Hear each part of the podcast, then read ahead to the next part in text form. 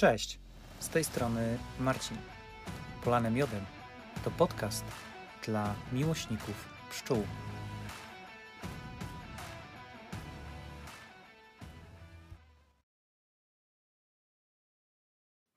Tym razem bez pytania, czy jest tam ktoś, bo wiem, że tam jesteś i mnie słuchasz. Z garderoby na poddaszu puszczam w eter drugi odcinek podcastu Polanem Miodem. Dziękuję za wszystkie dobre wiadomości, SMS-y to od znajomych, z informacjami, że jednak ten mój pierwszy odcinek się Wam spodobał. Każda, nawet najmniejsza informacja jest dla mnie na wagę złota, to znaczy miodu. Daje mi to ogromną satysfakcję i motywację do realizacji kolejnych odcinków. Dzisiaj zabieram Ciebie do środka ula. Dosłownie. Posłuchaj.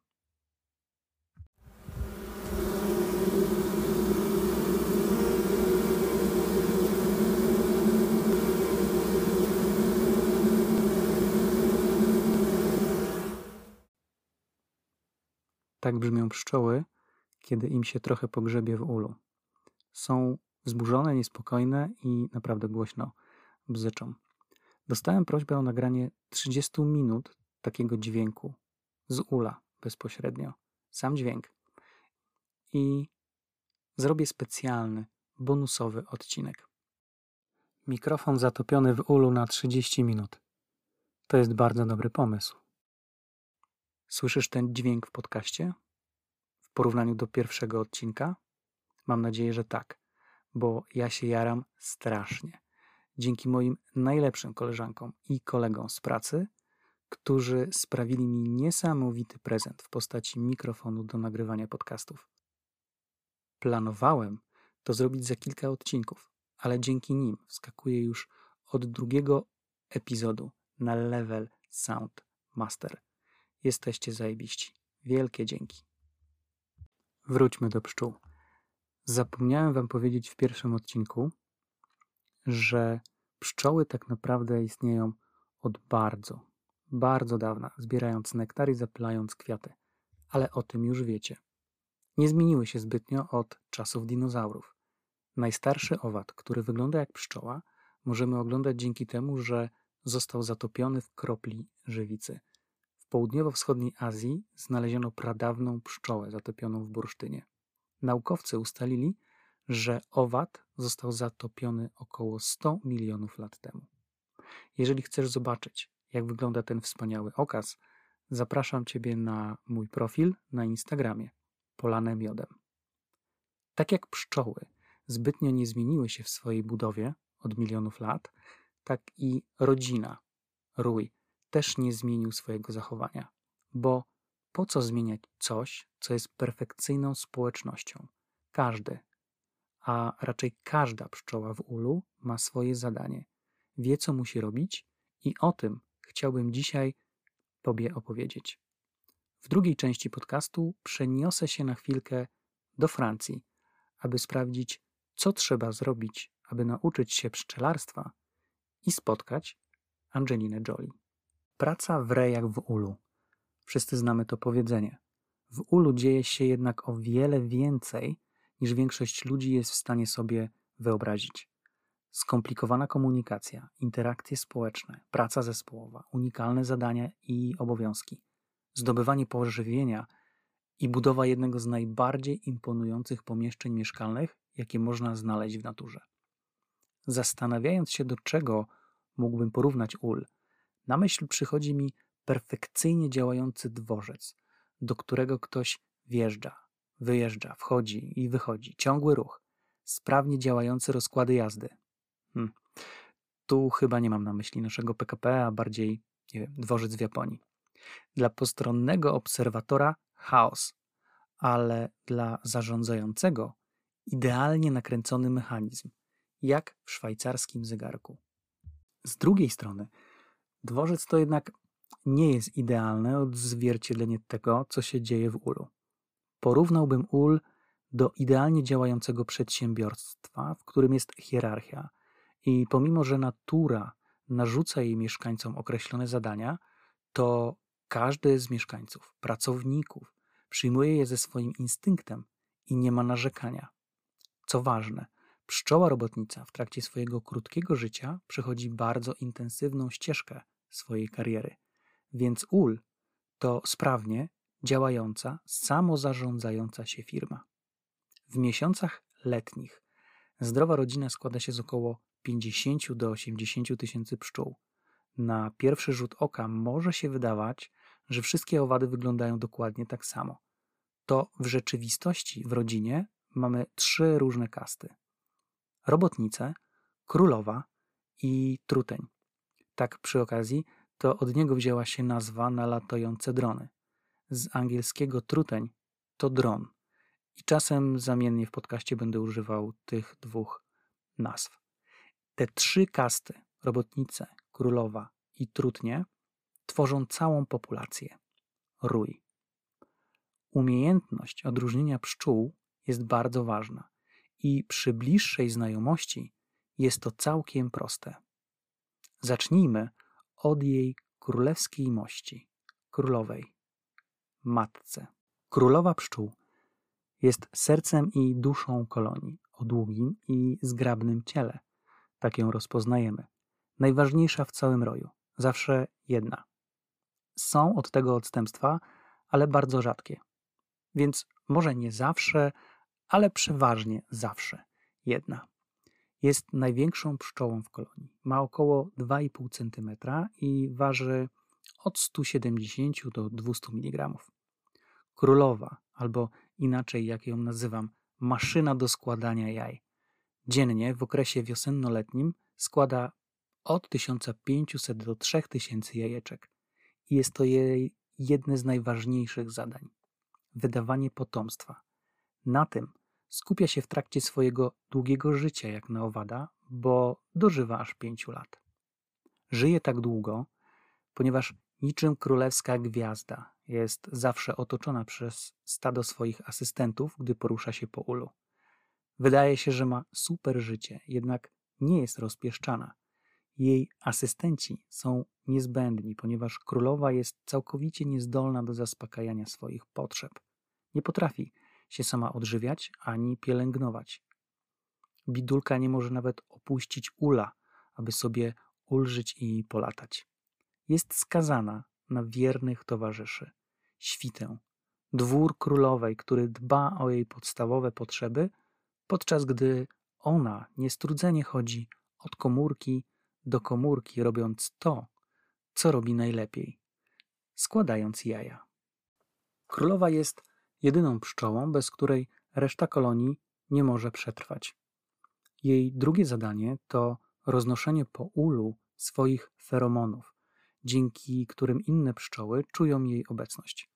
Jeżeli matka ginie, pszczoły od razu to wyczuwają, stając się bardzo niespokojne, ale mają na to swój pomysł, potrafią ją zastąpić. I tu dochodzę do czegoś, o czym nie miałem pojęcia przed tym, jak zacząłem się interesować pszczołami. Pomimo, że królowa jest najważniejsza, to tak naprawdę nie ma nic do gadania. To pszczoły robotnice rządzą w ulu.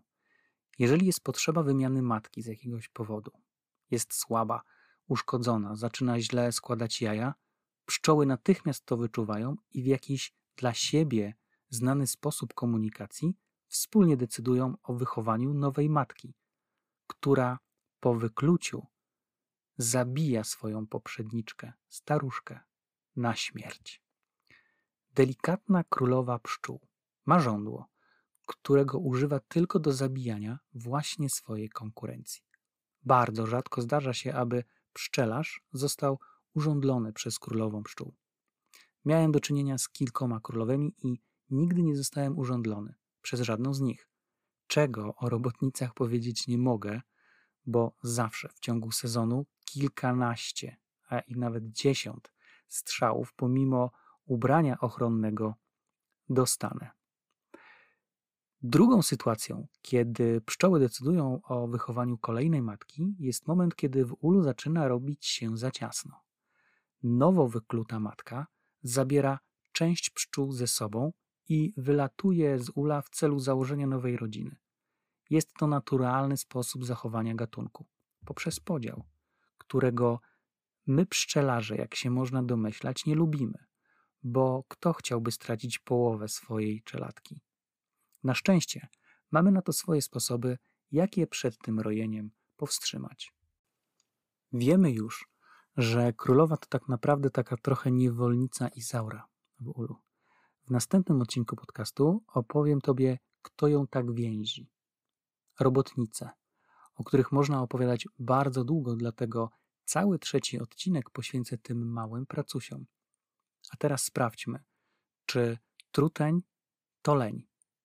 Będę ich adwokatem. Szanowni Państwo, trutnie to nie lenie. Trutnie to iście dramatyczna postać w ulu. I zaraz opowiem Wam dlaczego. Dobra, cienki ze mnie adwokat, a wiem jaki czeka ich los. Drony stanowią stosunkowo niewielki procent całej populacji ula. W szczycie sezonu ich liczba to setki, maksymalnie do 2-3 tysięcy w jednym ulu. Nowi pszczelarze często mogą mylić trutnię z królową, ponieważ jest on większy i masywniejszy niż pszczoła robotnica. W rzeczywistości jego kształt jest bardziej zbliżony do beczułki. On jest taki puchowaty misiu. Królowa, jak na królową przystało, jest smukła, cienka i delikatna. Oczy. Oczy drona są ogromne i wydają się zakrywać całą głowę. Dlaczego przylgnęło do trutnia, że jest leniem? Nie szuka pożywienia, nie pomaga w budowie gniazda, nie może też pomóc w obronie ula, bo nie ma żądła. I przez to dla nas pszczelarzy jest super obiektem do ćwiczeń w przekładaniu go pomiędzy palcami po to, aby nauczyć się delikatnego obchodzenia z królową. Dron może być obsługiwany przez pszczelarza z całkowitą pewnością, że nie zostanie urządlony. W wielu książkach, bajkach o pszczołach truteń nie ma najlepszej reputacji. Opisywany jest jako leniwy, ciągle śpiący ciamajda. Ktoś się wam przypomina? No tak, w końcu kto nie pamięta Gucia z pszczółki Mai? Więc do czego potrzebny jest wólu? Ma zapładniać królową. Taki zapładniacz kamikadze. Prokreacja jest głównym celem życia trutnia. Rodzi się na wiosnę i do momentu lotu godowego jest karmiony i pielęgnowany przez pszczoły, robotnice. W tym czasie dzięki swojemu dużemu ciałku daje dodatkowe ocieplenie, czyli jest takim misiem termoforkiem. To jest ważne, bo w trakcie wychowywania larw na wiosnę ciepło jest bardzo potrzebne w ulu. Aby wychować potomstwo, pszczoły muszą utrzymywać w ulu optymalne 35 stopni. Trutnie na swój lot godowy wylatują na wysokość od 60 do 100 metrów w miejsce, które na pewno jest oddalone od e, ula o kilka kilometrów. Są to tak zwane turtowiska. I teraz duże oczy drona przydają się do wypatrywania chętnych królowych, biorących udział w lotach godowych. Oj, gdyby ten koleś wiedział. Trutniom, którym uda się kopulacja z królową, czeka przygnębiająca niespodzianka. Po kopulacji umierają. Dzieje się tak, ponieważ ich narząd płciowy jest kolczasty, podobnie jak żądło pszczoły robotnicy. I po zapłodnieniu królowej znaczna część jego wewnętrznej anatomii zostaje oderwana, przez co truteń umiera. Pamiętam z lekcji w technikum pszczelarskim, jak ten fakt wywołał wśród nas facetów empatyczne uczucia i łączenie się w bólu z kamratem, a wśród damskiej części grupy okrzyki niezrozumiałego dla mnie wiwatu. Tym trudniom, którym nie udało się zapłodnić królowej i zostały w ulu, kiedy pogoda się ochładza, a sezon godowy dobiega końca, natura dalej nie szczędzi im dramatów. Robotnice przestają tolerować obecność dronów w ulu. Teraz są już one tylko darmozjadami, a ponieważ mają spory apetyt, to pochłonęłyby ogromne ilości jedzenia podczas zimy. Pod koniec sezonu można zaobserwować, jak robotnicy systematycznie wypędzają trutnie z ula. Powiem wam, jest to bardzo smutny widok, bo one są dosłownie wyrzucane za drzwi, bezpowrotnie, bez jedzenia, na śmierć, znowu. Dla nas, pszczelarzy, jest to sygnał, że sezon pszczelarski wchodzi w fazę przygotowania się roju do zimowli.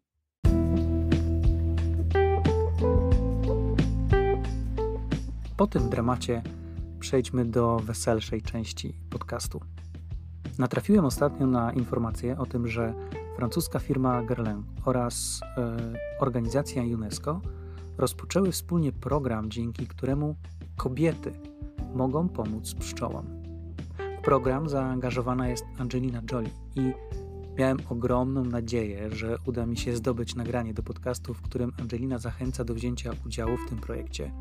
Na razie takiego nagrania jeszcze nie posiadam, ale kto wie. Natomiast udało mi się skontaktować z panią Cecile Lochard, która jest dyrektorem do spraw zrównoważonego rozwoju w firmie Guerlain i dzięki wymianie kilku maili uzyskałem informację, co trzeba zrobić, aby w tym programie wziąć udział. A słuchajcie, jest naprawdę o co aplikować. Program Women for Bees będzie realizowany w rezerwatach biosfery UNESCO na całym świecie przy wsparciu ośrodka szkoleniowego przy francuskim Obserwatorium Apidologii. I tak jak już wspominałem, program ma za matkę chrzestną aktorkę oraz działaczkę humanitarną Angelinę Jolie, która pomoże promować jego podwójny cel. Po pierwsze, jest to ochrona bioróżnorodności, a po drugie, wzmocnienie pozycji kobiet. Rezerwaty biosfery UNESCO, które wezmą udział w projekcie w ciągu dwóch najbliższych lat, znajdują się we Francji, we Włoszech, w Bułgarii, w Słowenii, w Rosji, w Kambodży, Etiopii, Rwandzie oraz w Chinach.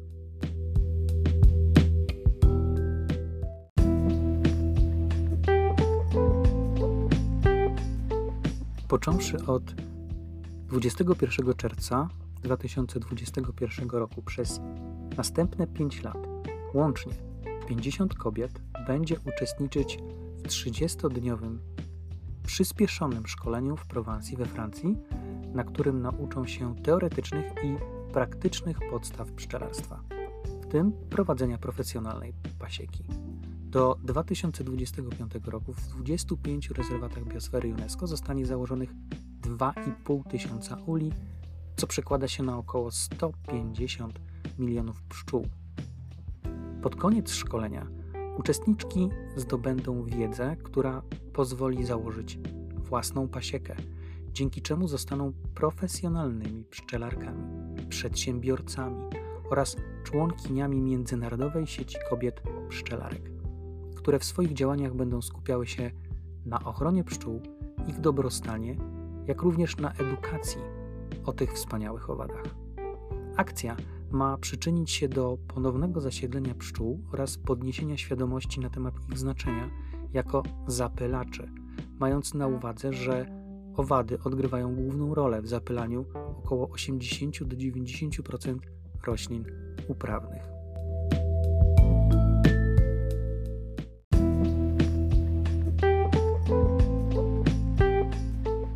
Polski przedsiębiorca z branży pszczelarskiej, Tomek Łysoń, powiedział, że pszczoła ma najlepszy PR wśród owadów i my, pszczelarze, powinniśmy to wykorzystywać. Jak widać, firma Guerlain wykorzystuje ten fakt z powodzeniem i to już od 1853 roku, kiedy spotkało się tam dwóch alchemików: pszczoła, alchemik natury oraz Guerlain, alchemik piękna.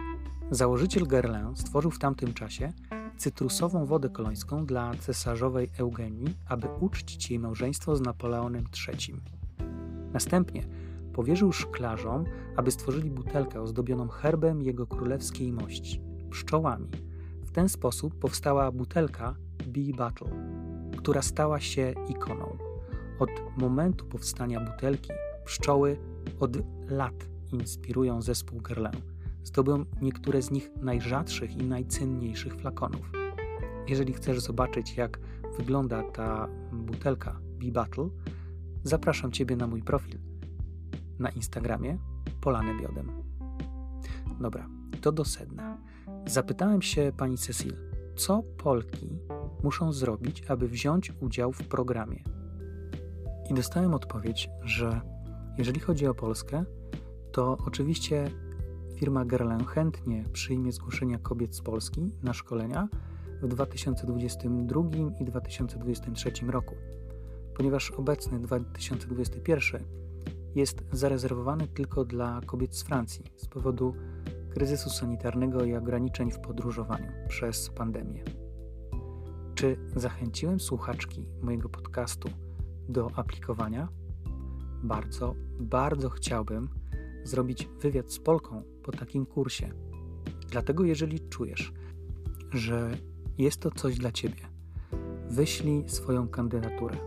Opisz swoje zamiłowanie do pszczół na adres e-mail sustainabledevelopment.gerlin.fr Adres e-mail oczywiście jest dostępny w opisie tego odcinka oraz na profilu Polane Miodem na Instagramie i Facebooku.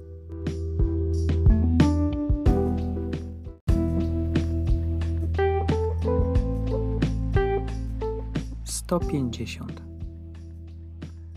Sto pięćdziesiąt to liczba odsłuchań poprzedniego, pierwszego odcinka. Także w tym miejscu bardzo dziękuję za wszystkie odsłuchania. Jeszcze raz za wszystkie wiadomości. To już jest koniec drugiego odcinka. Dziękuję, że wysłuchałaś lub wysłuchałeś mnie do samego końca. I już teraz zapraszam Ciebie serdecznie na kolejny trzeci odcinek, w którym przyjrzymy się, jak wygląda ścieżka kariery naszych dziewczynek w ulu, naszym pszczelim miodowym przedsiębiorstwie. Jednocześnie bardzo zachęcam do kontaktu ze mną poprzez media społecznościowe, ale także poprzez y, platformę Anchor, na której można zadać mi głosowe pytanie i jeżeli będzie na tyle fajne, to z chęcią zamieszczę je w swoim podcaście.